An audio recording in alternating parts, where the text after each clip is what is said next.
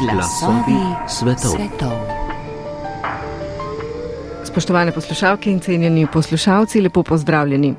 Svetovno združenje za spolno zdravje v deklaraciji o spolnih pravicah izpostavlja, da ima vsakdo pravico do izobraževanja in celovite spolne vzgoje, ki mora biti prilagojena starosti, znanstveno natančna, kulturno kompetentna in temelječa na človekovih pravicah, enakosti spolov ter pozitivnem pristopu k spolnosti in užitku. V našem izobraževalnem sistemu takšne celovite in sistematične spolne vzgoje nimamo, zato je resnična človeška seksualnost še vedno močno tabuizirana. Prepričanje o tem, kakšna je in kakšna bi morala biti, pa so zaznamovana številnimi stereotipi, prepovedmi, zapovedmi, predsotki in škodljivimi miti, še posebej, ko gre za ženski užitek. Na novi pošti v Ljubljani v letošnji gledališki sezoni poteka proces z naslovom Spolna vzgoja 2, ki izhaja iz preomenjene deklaracije o spolnih pravicah in raziskuje seksualni užitek kot temeljno spolno pravico. Ustvarjalke raziskujejo teme, kot so boleči spolni odnosi in vaginizem, soglasje, seksualni užitek žensk s handicapom, alternativne seksualne prakse ter zgodovina spolne vzgoje v Jugoslaviji. Gre za avtorski projekt. O njem se bomo v tokratni oddaji Glasovi svetov pogovarjali z režiserko Tjašo Črnigoj. Tjaša Črnigoj, dober dan, dobrodošli v studiu. Hvala lepa za povabilo. O spolni vzgoji, seksualnosti in povezovanju izobraževanja in umetnosti se bova pogovarjali.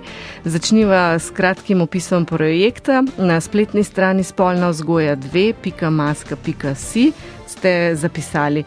Naše medsebojne odnose in tudi našo spolnost še vedno zaznamujejo patriarhalna razmerja.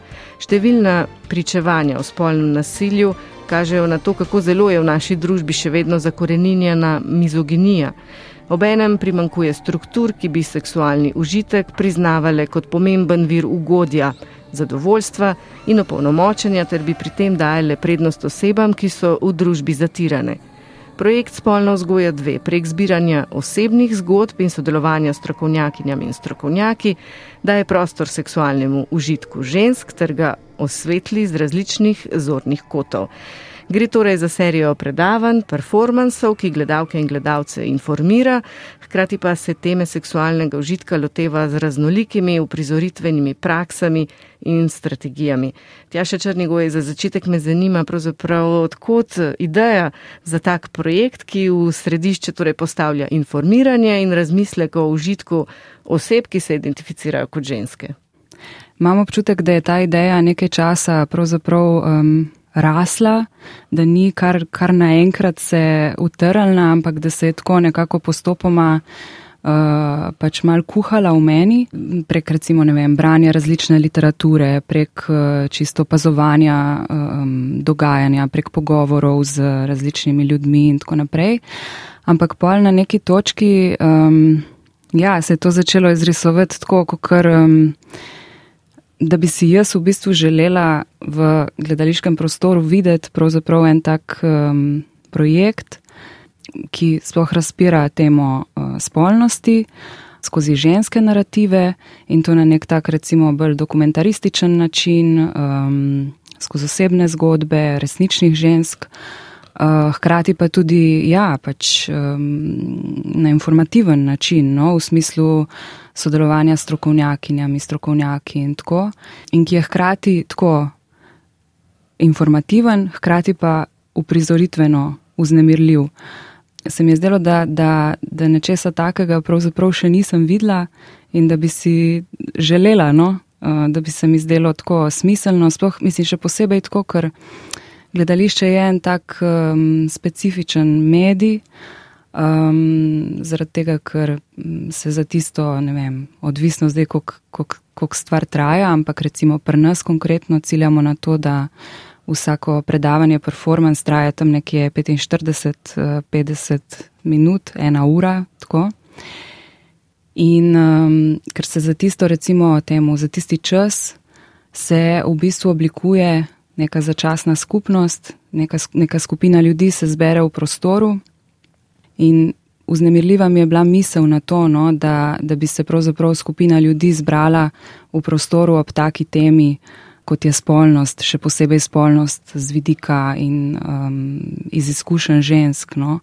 Uh, tako, um, zdelo se mi je takoj, da to, da, to mora, da to ne more biti zdaj neka zelo velika skupina ljudi, ampak neka taka ravno pravšnja, no, da, da, um, da lahko nekako nosi te teme in te zgodbe v tistem prostoru in času. No.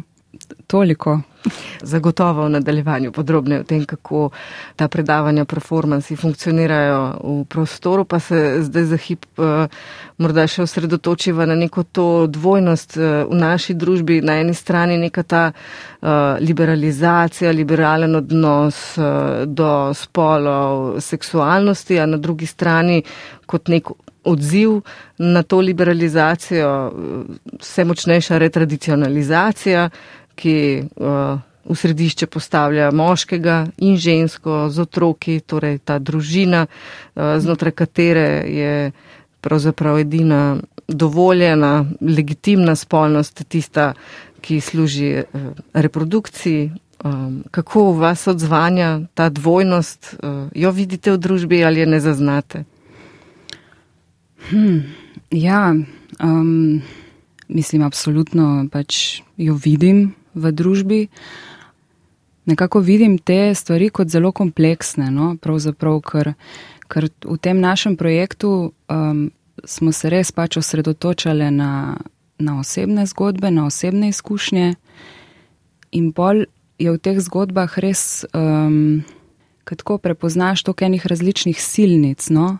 In ene morda pripadajo res tej neki liberalizaciji, um, ker je kdaj vtisne, um, da je pač ta užitek povsod, da se povsod promovira užitek, um, ampak je po drugi strani pač vprašanje, za kakšen užitek gre in je to užitek nekih določenih privilegiranih uh, skupin. Ne? Um, neke druge skupine, ki so pa mogoče manj privilegirane, pa tukaj niso izpostavljene. Ne? S tem mislim predvsem na to, da ja, se mi zdi, da se promovira užitek v tej liberalizaciji, ampak je to užitek uh, v glavnem belih heteroseksualnih moških. In um, kaj pa vsi drugi, kaj pa vse druge.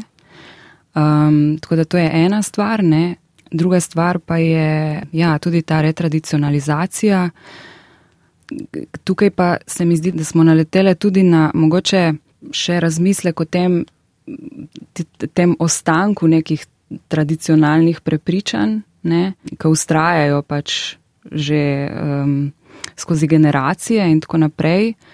Uh, ne vem, v zvezi s tem, da je vem, spolnost žensk umazana ali pa da, vem, da je žensko spolovilo uh, nekaj, kar je težko pogledati, um, uh, ali da je spolnost žensk nečista. Um, tako se mi zdi, ogromno enih različnih nivojev, no, ali pa ne vem, tudi recimo, uh, spomnim se, sem se pogovarjala vsaj z eno, ampak mislim, da ni bila sama ena uh, sogovornica, pač tudi v tem smislu, da um, je rekla, ne, da je ona pravzaprav, uh, ko bi rekla, da se ima za zelo emancipirano in za, za osebo, ki se uh, postavi zase, za žensko, ki se postavi zase, uh, pač tudi v, v partnerskem odnosu in tako naprej, ne? ampak da jo je v bistvu zelo presenetilo, ker se je zavedla, da pravzaprav v spolnosti pa še vedno nekako kar avtomatsko, kar po neki pač inerciji ali po neki naučenosti, pravzaprav daje prednost užitku svojega partnerja. No? In, in, um, in se mi zdi, da je cel kup teh nekih različnih silnic in teh različnih diskrepanc. Eno je to, kar ne vem, si mislimo v glavi, drugo je to, kar počnemo, pa se ne zavedamo. Uh, tako da ja, so te stvari zelo kompleksne in ja, Pa poveva, kako ste se odločili za teh pet tem, ki jih mm. odpirate skozi predavanja in performance? Je bila to skupna odločitev? Ja, v bistvu meni že od začetka mi je bila ideja, da, um, da pravzaprav začnem ustvarjalni proces z skupino Performerk. Uh, in sicer so to um, Nika Rozman, Lina Akif, uh, Sandy Bakotič in Vanda Velagič. Um, in me smo se v bistvu začele dobivati. Mislim, jaz sem vnaprej že tako razmišljala o nekih temah, ampak nisem želela tega zafiksirati, ker sem si želela pravzaprav z njimi sodelovati na ta način, da bi pač res one tudi nekako uh, bile avtorice in raziskovalke pri tem projektu in mi je bilo pomembno, da, da skupaj da se, da se skupaj v, v nekem skupnem delu izkristalizirajo pač teme. In um, smo v bistvu na začetku začeli zelo široko, um, dosti tudi iz nekih naših osebnih uh, zgodb ali pa osebnih izkušenj ali pa osebnih nekih pogledov. Um, je pa bilo vse čas tako, da smo pač ustvarjali prizore um, ali pa ne vem, delali kakšne vaje skupinske pa tako in se pa v bistvu glede na to pogovarjali pač o različnih temah. In tako se je pol počasi začelo kristalizirati, no, kaj pravzaprav bi koga bolj zanimalo oziroma kaj je komu bližje. Jaz nisem niti tako, vse čas, ko sem razmišljala o tem projektu, se mi je zdelo, da, um, da ne morem s temi uh, petimi predavanji performansi ne zdaj zaobjeti vsega. Ne. In se mi je zdelo, da, da da se ne smemo niti truditi ne, da, in da je fino, da pravzaprav zastavimo to kot neko tako rizomatsko strukturo ali ne vem kako ne rečem, nekaj, kar um, ne pokriva vsega, kar odstira neke različne vidike, pač um, pravice do seksualnega užitka oziroma seksualnega užitka žensk. Uh, in nekaj, kar bi lahko bile tudi recimo še naslednje sezone, ne? v tem smislu, ok, zdaj pokrijemo pač recimo pet tem, ampak se zavedamo, da je še veliko tem, ki jih ne bomo pokrile, ampak bi jih mogoče lahko kdaj drugič. No? Tako da ja, se je pol v bistvu na ta način so se, so se izkristalizirale te. Um, te teme no, v, v nekem skupnem ustvarjanju in, in performativnem raziskovanju, no, hkrati pa tudi že nekem branju, pa spraševanju ljudi. Pa hmm. pa če greva zdaj kar na ta prvi uh, uh -huh. performance oziroma predavanje performance, sodelovali ste tudi z ginekologinjo, porodničarko in seksologinjo, doktorico Gabrielo Simetinger. Uh, ona je tista, ki vam je. Uh, predala na znanosti utemeljeno vedenje o vaginizmu, o bolečih spolnih odnosih. Kako ste ja. torej to neko strokovno znanje upletle v ta performance, predavanje? Jaz sem nekako uh, povabila dr. Gabrielo Simetinger k sodelovanju in sem uh, Um, tudi si želela, da v bistvu nam, tako nekako sem vedela, da bi, da bi se mi zdelo zanimivo v kontekstu prav pravice do užitka spregovoriti o vaginizmu uh, kot um, najhujši spolni motni. Ja, in sem jo povabila, no, in sva se tudi dogovorila, da nam v bistvu najprej tako bolj na široko uh, predstavi v bistvu kaj to sploh je, pa, pa, nek, pa tudi njene izkušnje uh, v zvezi z obravnavanjem tega in tako. To nam je bilo pač neko izhodišče, um, ta nek njen prvi obisk, ali kako ne rečem pri nas, pač nek ta prvi pogovor. Uh, potem pa, ja, pol smo pa počasi, ne vem, delali um, uprizoritveni material. Um, In so se odpirala neka nova vprašanja, neke nove um, dileme ali pa nejasnosti ali tako.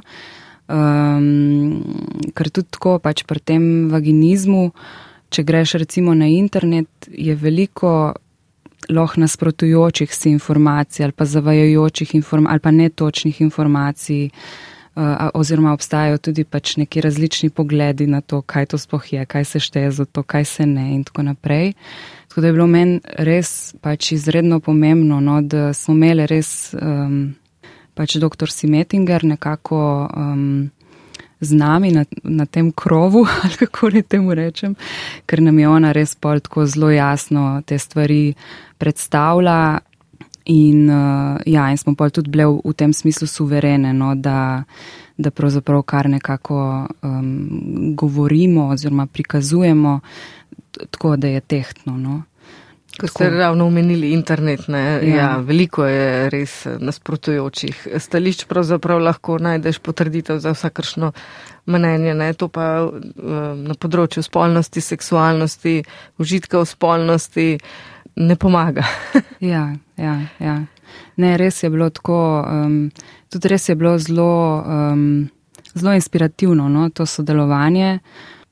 In res se spomnim teh, uh, teh pogovorov no, z Gabrielo Simetinger, uh, pa teh mojih tisoč vprašanj, pa ki vem, ja, res sem hotela razumeti in, in se pol se mi zdi, da, da mi je na neki točki celo uspelo. Čeprav, ja, ker res so, kako bi rekla, pa te diagnoze, pa različne, um, majano, to.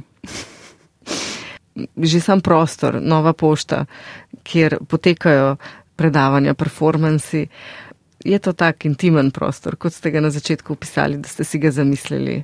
Uh, kako je prišlo do sodelovanja uh, z Masko, uh, slovenskim mladinskim gledališčem in mestom žensk pri tem projektu? Ja, tukaj um, v bistvu jaz, ne, ki sem nekako um, sanjala pač o tem projektu oziroma fantazirala ali tako, um, mi je takoj pač padlo na pamet, da, um, da bi se mi zdel pač nekako primeren prostor za to nova pošta. Eh, program na novi pošti je nekako v koprodukciji no, slovenskega mladinskega gledališča in maske. No. In ko sem jaz ta projekt predlagala, so ga v bistvu um, nekako zelo um, toplo sprejeli, no, to idejo. Um, in pol se je priključilo še mesto žensk, kot tudi po mojem občutku, no res tak, eh, spet nek tak idealen koproducent, no glede na pač omenjene teme. V drugem delu še nismo govorili, mm. uh, gre torej za uh, tematiziranje soglasja, pa, pa da je vas zdaj v soglasju. Mm -hmm. uh, v slovenski zakonodaji je soglasje zdaj nek uh, v bistvu jedro v kazenskem zakoniku, torej vse, kar ni soglasno, je nasilje, je posilstvo. Um, vi z ustvarjalkami v drugem delu z naslovom konsentire, soglašati, torej uh, pojem soglasje spremenite v glagol in se sprašujete, kako poteka pravzaprav proces oblikovanja soglasja. Najprej na neki tej individualni ravni in potem v seksualnem stiku, v odnosu. Uh, zdaj ta drugi del opisi žensk, ki uh, pravzaprav čisto neposredno govorijo o tem, kako razmišljajo o soglasju, kako razmišljajo o tem, v čem uživajo. So mestoma tudi zelo duhoviti, no? ampak eh, predvsem zelo tako res neposredni in iskreni. Ne? Nekako o soglasju smo se pravzaprav šele začeli pogovarjati, ne vemo še čisto zares, kaj soglasje pomeni. A je to tudi nekaj, kar ste želeli sporočiti? Ja, ja, mislim, cela, cela ta neka, zakaj se nam je zdelo sploh uh, pomembno oziroma vznemirljivo govoriti o tej temi, je bilo prav to, no, da, da um, so se pač v zadnjem času seveda zgodili neki zelo pomembni premiki na tem, kako dojemamo soglasje v nekem pravnem uh, smislu. Ne. Um, hkrati pa, ja, smo imeli vtis, da pa ni še prav veliko govora o recimo soglasju onkraj pravnega diskurza, um, soglasju, ja, to mi je bilo super, kako ste se izrazili, soglasje kot glagol, ne? kaj pravzaprav pomeni uh, soglasje v spolnosti, ki je konsenzualna, ki je nekako, um, ko bi rekla, po nekih pravnih standardih soglasna, ne? Uh, ampak uh, še vedno, kaj to pomeni v praksi pravzaprav. In uh, nas je tukaj, ja, zanimalo po eni strani um, se pogovarjati pravzaprav z ženskami, kaj to njim pomeni, kako one to prakticirajo. A, uh, ne vem, se, verbalno se pogovarjajo o tem, a se na začetku, pred. Uh, uh, uh, samim spolnim odnosom o tem pogovorijo, ali se med spolnim odnosom o tem pogovarjajo, ali je to nekaj neverbalnega, ali si sploh upajo izraziti neke svoje, ali sploh imajo občutek, da so v stiku z nekimi svojimi mejami, tako ne vem, negativnimi kot pozitivnimi, v smislu, če se ne želijo ali pa kaj si želijo. Um, in je tukaj res eno celo, mislim, tako zelo široko polje, no, enih, um, kar tudi meni je bilo zelo zanimivo, ker smo raziskovali ne, s, m, sodobno feministično misel na tem področju. Um, tukaj smo pol tudi na steno vključili en citat od uh, Milene Popove, ne, ki piše o soglasju uh, in ki piše, da, um, da, da se bo nek radikalni potencial za misli o soglasju začel kristalizirati šele, ko bomo nekako o soglasju razmišljali onkraj tega, kdo je rekel ja, kdo je rekel ne, ampak v bistvu se spraševali, zakaj nekdo v nekem trenutku si ne upa reči ne. Recimo, kaj so tiste neke kulturne, družbene silnice, ki, ki pogojujejo naše delovanje, naše odločitve, um, ali pa zakaj si nekdo v nekem določenem trenutku ne upa reči, ja, pač kaj, kaj nas zaustavlja, da se izrazimo. In, in nekako ona zelo poudarja, no, res ta nek kulturni kontekst, uh, ki nas pravzaprav določa, razmerja moči, vloge, družbene vloge, ki jih igramo in kako je to pravzaprav vse um, vedno prisotno uh, v nekih najbolj intimnih momentih naših življenj. In, in kako bomo šele nekako, ko se bomo s tem s tem zelo kompleksnim področjem začeli ukvarjati, uh, pravzaprav začeli graditi kulturo soglasja, ne, nasproti kulturi posilstva, ne, kjer je pa zelo težko pravzaprav reči ne um, in kjer, je, um, ja, kjer so ženski pripisane neke določene vloge oziroma kjer, se, kjer so.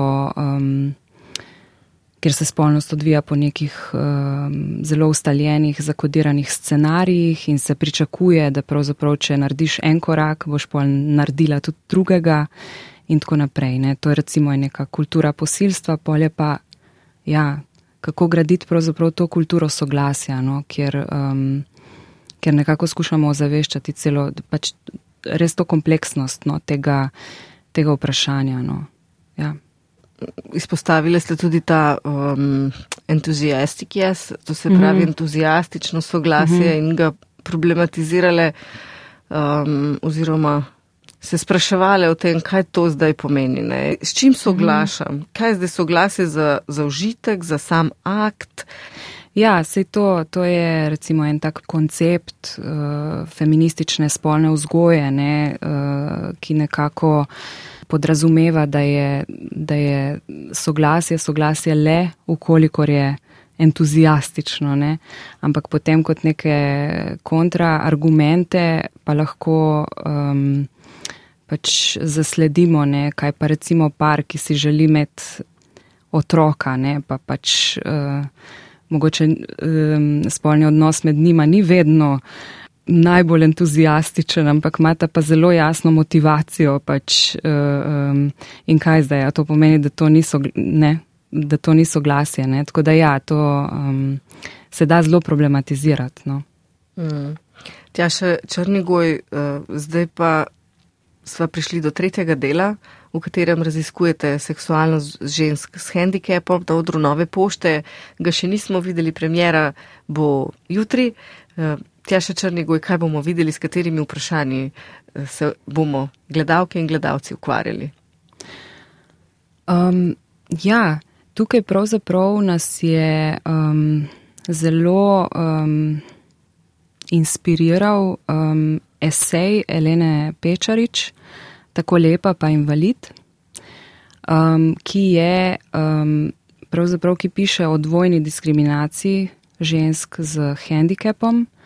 Uh, pravi, da so diskriminirane kot uh, osebe s handicapom in kot ženske.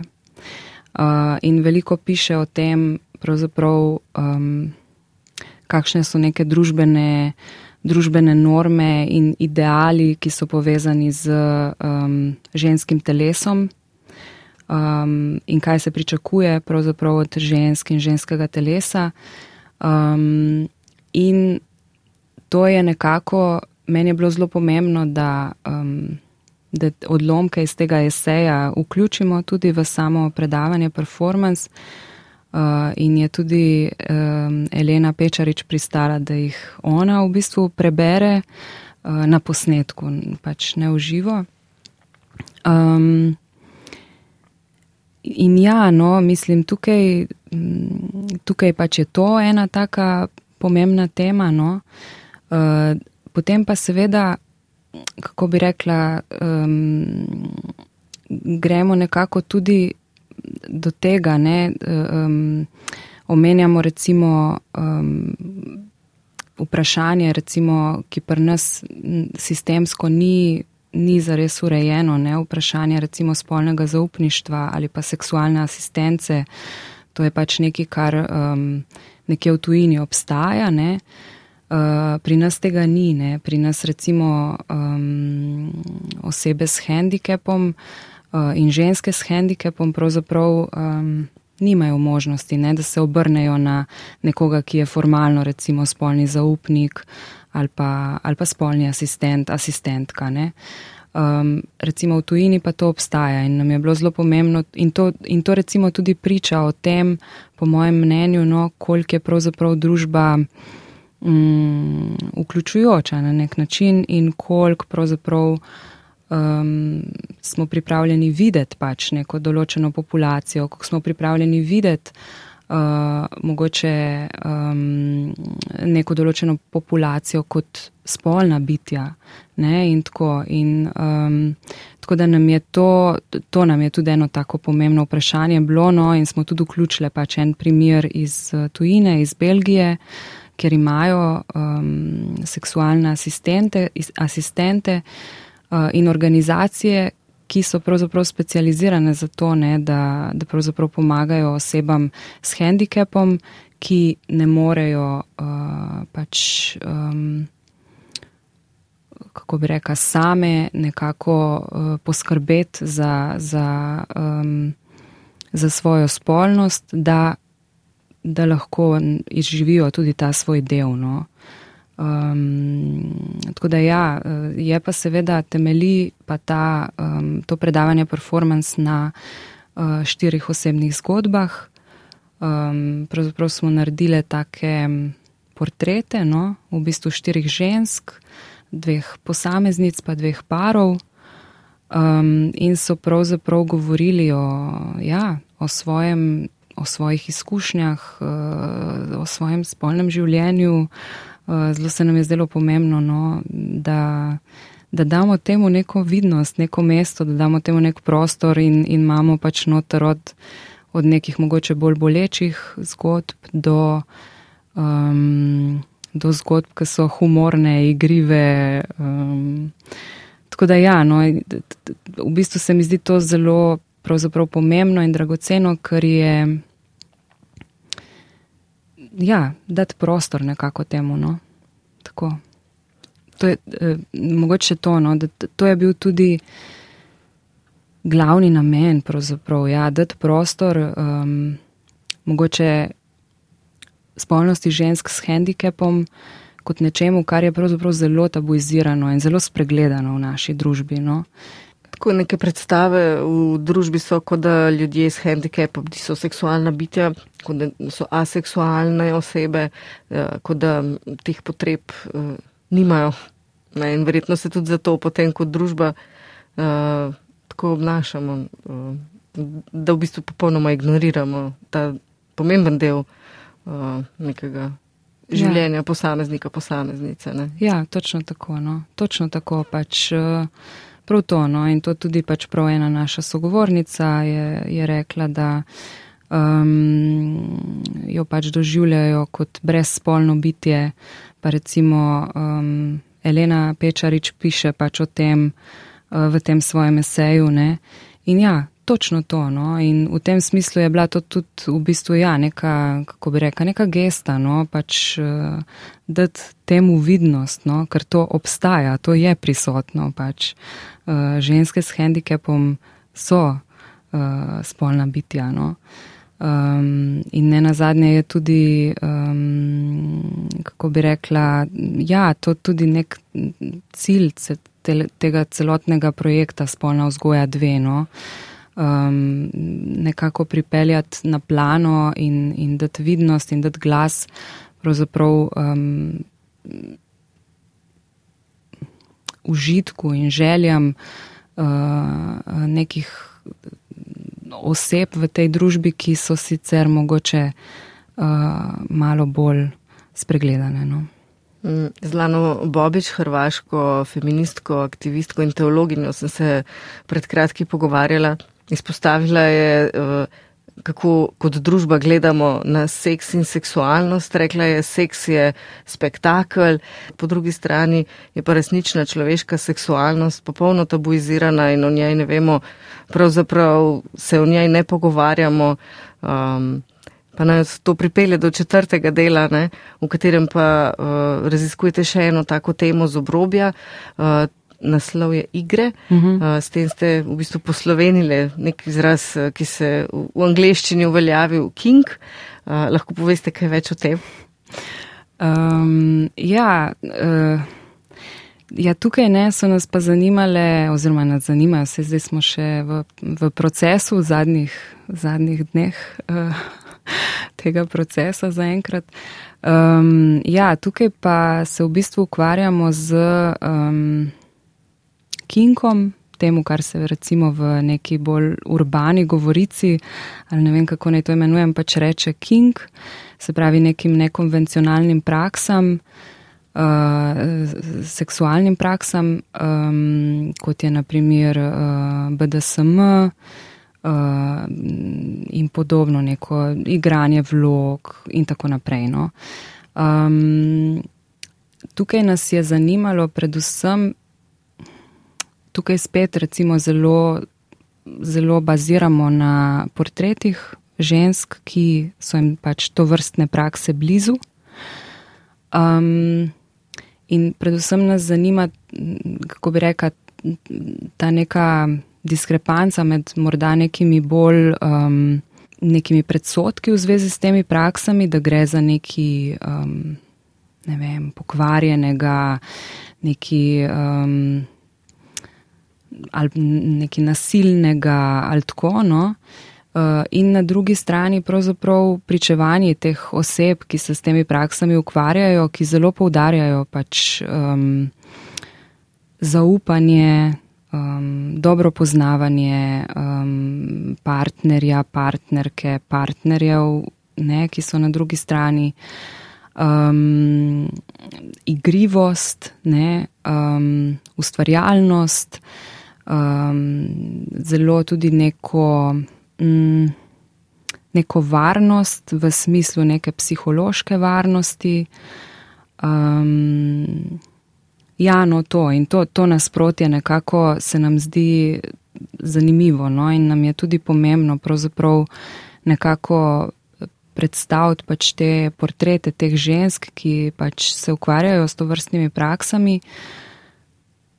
Prav na ta način, no, da, da tudi, kako bi rekla, ker obstaja tudi, se mi zdi nek, nek predsodek morda, uh, Eh, da če se pa zdaj nekdo ukvarja z takimi praksami, um, da je to celo njegovo življenje in da ne, je pa to mo morda oseba, eh, ki ima normalno službo, mislim normalno, karkoli že to pomeni, no, ampak ki ima službo, pa ki mogoče ni oblečena neki zelo izstopajočega, ki mogoče ne vem, uh, ne nosi make-upa in tako naprej. No, to pač nekako nam je cilj pravzaprav malo razbiti neke te mite, pa predsotke, pa, um, pa izpostaviti, kaj so neke vrednote pravzaprav um, teh oseb in te skupnosti, ki so morda nepričakovane. No. Pa morda tudi uh, podreti neke napačne predstave o tem, zakaj gre, ki ja. jih tudi popularna kultura uh, ja. nekako uh, je uh, pravzaprav ne tako dolgo časa nazaj ja. Eh, nekako izoblikovala. Ne? Spomnimo ja. se teh odtenkov sive. 50 odtenkov 50 sive. sive, tako ja, ki prav, zaprav popolnoma napačno mm -hmm. predstavlja, kaj to ja. tak odnos uh, je, kaj taka spolnost pravzaprav ja. je v resničnem življenju ljudi, ki to resnično prakticirajo. Ja, eh, če se dobro spomnim, je ena izmed naših sogovornic to knjigo imenovala Anti-BDSM knjiga. pač ja, no, da, tako da ja, je bila, mislim, da upravičeno deležna številnih, uh, številnih kritik. No. Igre, torej prihodni teden, tako. potem pa še peti del, to pa uh, spolna vzgoja v Jugoslaviji. Tako. Proces raziskovanja še poteka. Tako. Kaj lahko na tej točki morda poveste o, o, o tem petem delu? Ja, v zvezi z zgodovino spolne vzgoje v Jugoslaviji um, nam je nekako pomembno izhodišče doktorat dr. Maje Vehar, um, ki se je v, pač ukvarjala z prav zgodovino spolne vzgoje um, po drugi svetovni vojni, pa uh, do konca 60-ih let in nekako nas zanimajo pač teme. Um, kaj je nek uh, spreminjanje odnosa do splava, recimo v družbi, ali pa um, promoviranje kontracepcije in sploh nekako prvi razmisleki in prvi začetki tudi spolne vzgoje v šolah. Uh, pa tudi razmislek o tem, kaj sploh je spolna vzgoja, um, širše, ne zgolj v šolah, uh, ker to se vse pač je takrat nekako um, pojavljalo. Mm, ja, kaj to pomeni pravzaprav za, za, za, za ženske no? in za, za njihovo emancipacijo v tem smislu nekega um, pač njihove spolnosti in njih, njihovega um, užitka. No? In, in, in, in tudi prav v apropo ne, te retradicionalizacije, ne, kako pravzaprav, kje so neke usporednice z današnjim časom. Ne?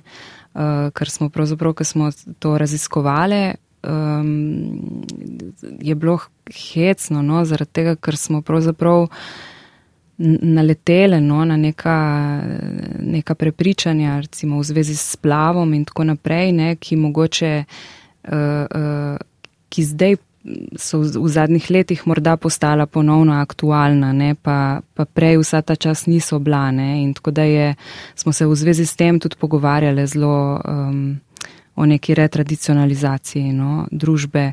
In, um, ja.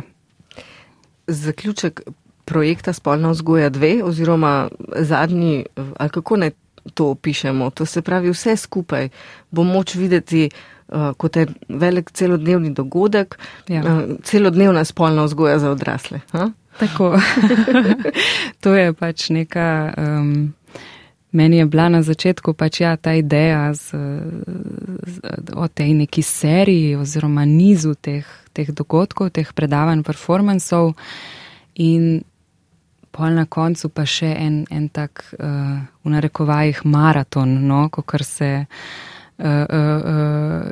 tudi to besedo uporablja v zvezi recimo s temi serijami, ki jih lahko gledamo na televiziji. Ampak ja, nek tak celodnevni v bistvu dogodek, kjer, um, kjer lahko vidimo vse, vse te, vsa ta predavanja, performance v nekem zaporedju, obenem pa um, nekako načrtujemo, da bo to tudi, da bo neka dodana vrednost ravno še v tem, da bodo pravzaprav spet, da bo spet nekako na kup prišla cela ta izhodiščna skupina, ne, ki je s tem začela, se pravi, pač te štir performerke, ne, um, ki zdaj delajo vsaka pač nekako posebej. Začele smo skupaj kot skupinca, potem se je pa nadaljevalo tako, da je uh, Nika Rozman ne, nekako um, imela prva dva uh, predavanja, prvi dve predavanji performansa. Uh, seveda tukaj se je pridružila še Teja Vidmar, ki je zvočna performerka, pa Tijana Todorovič, kostumografinja, Barbara Kapel, scenografinja. Um, ampak nekako, ja, pač mišljeno je bilo, da evo, ta prva dva delamo z Niko Rozman, ne, potem zdaj naslednje, naslednji dve delamo z Lino Akif ne, in potem še z Sandy uh, Bakotič pa Vando Velagič in pol se bo v bistvu ta nekako celotna ekipa spet zbrala uh, na kup ne, in um, se veselim no, tega, uh, tudi teh nekih ne vem, prehodov med recimo posameznimi dogodki, pa mogoče celo kakšnega prepletanja. To bomo še videli, no, to je še zelo um, odprto, no, um, kako bomo zdaj, do kakšne mere se bo, mislim, ne bodo se stvari zdaj bistveno spreminjale, ampak kaj malega pa bomo še razvile ali pa dodale nek dodaten material, tako, no. Zagotovo pa ob koncu takega um, pravzaprav kar dolgega ustvarjalnega umetniškega procesa, mm -hmm. na drugi strani pridete ven spremenjene, drugačne. Ja, prav gotovo.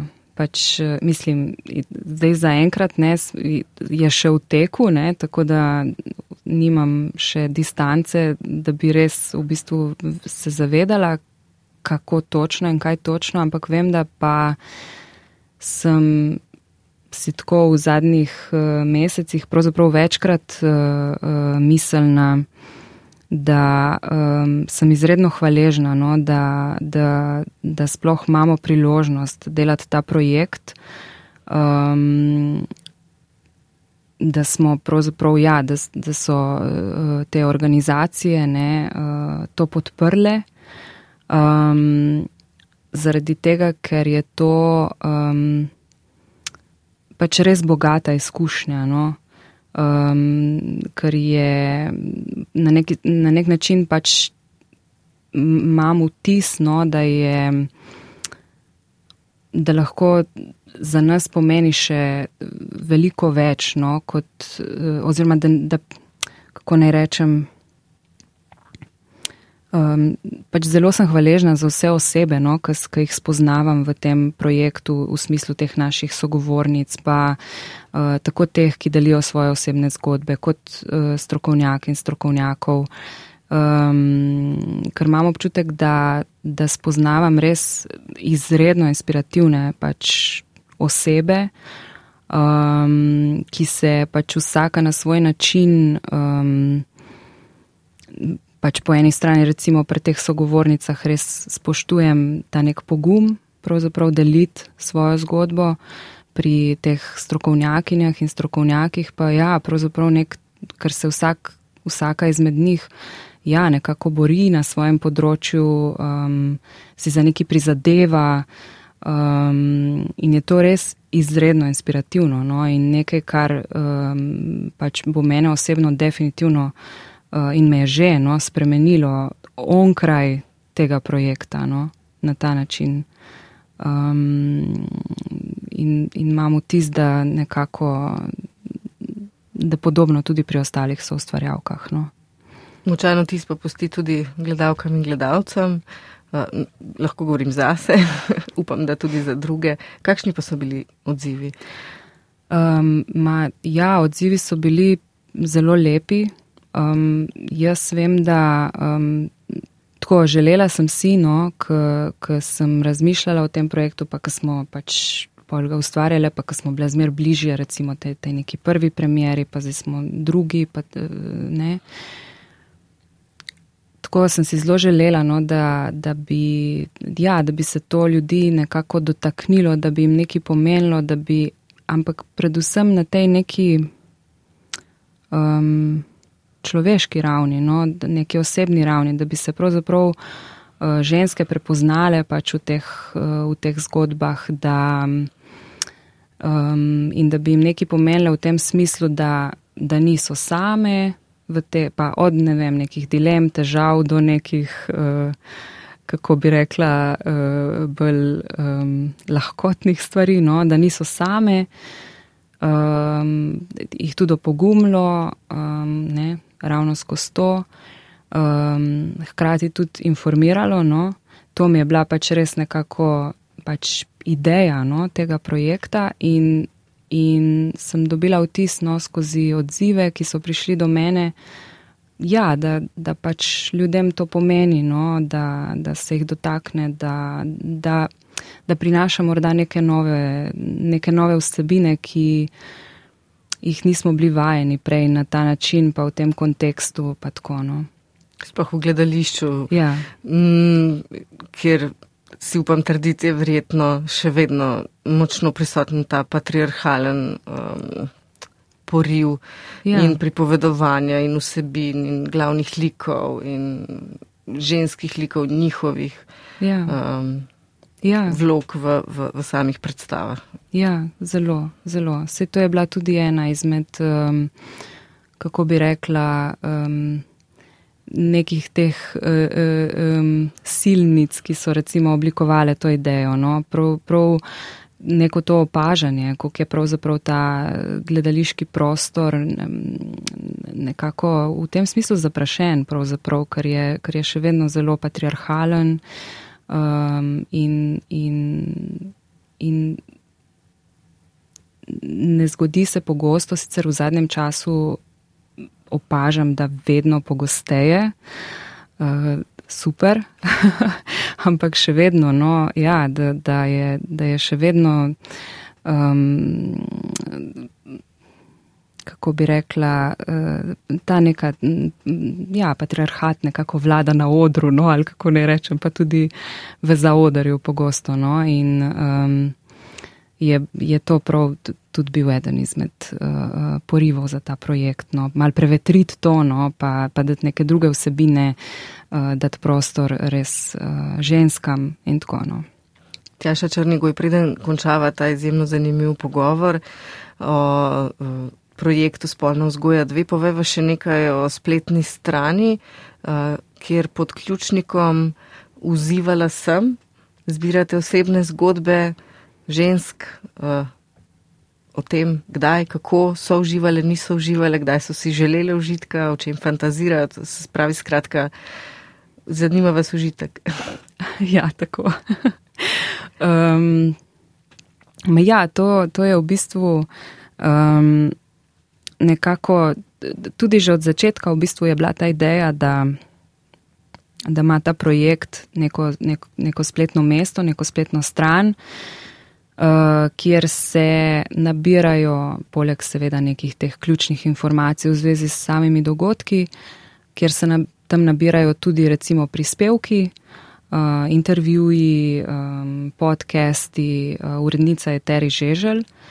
Um, v zvezi prav s temami, ki jih obravnavamo pač uh, um, v naših predavanjih, performansih. In um, ena hkrati ne pa, da je zraven pravzaprav tudi prostor, kjer nagovarjamo nekako širšo populacijo um, uh, žensk, da delijo pravzaprav svoje osebne zgodbe v zvezi z raziskovanjem, odkrivanjem uh, svojega seksualnega užitka. Um, preprosto z nekim namenom, da, da se da temu neko vidnost. No. Um, tako da ja, to je še vedno odprto. Um, nekaj zgodb se je že nabralo, ampak uh, bomo seveda vesele vsake nove zgodbe. Absolutno še vedno odprto in bo tudi ostalo, pravzaprav ta poziv bo ostal odprt no, do, do konca. Poveva še enkrat uh, spletno mesto, to je spolna vzgoja, dve, pika, maska, pika, si, kjer najdete vse te vsebine, Tako. ki ste jih eh, pravkar našteli, Tjaša Črnigoj. Najlepša hvala za obisk v studiu in za ta izjemno zanimiv pogovor. Najlepša hvala vam za povabilo. Glasovi svetov. svetov. Spoštovane poslušalke in cenjeni poslušalci, hvala za pozornost oddajo Glasovi svetov. Sem tokrat pripravila Urška Henigman. Najdete jo tudi v naših spletnih arhivih in med podcasti.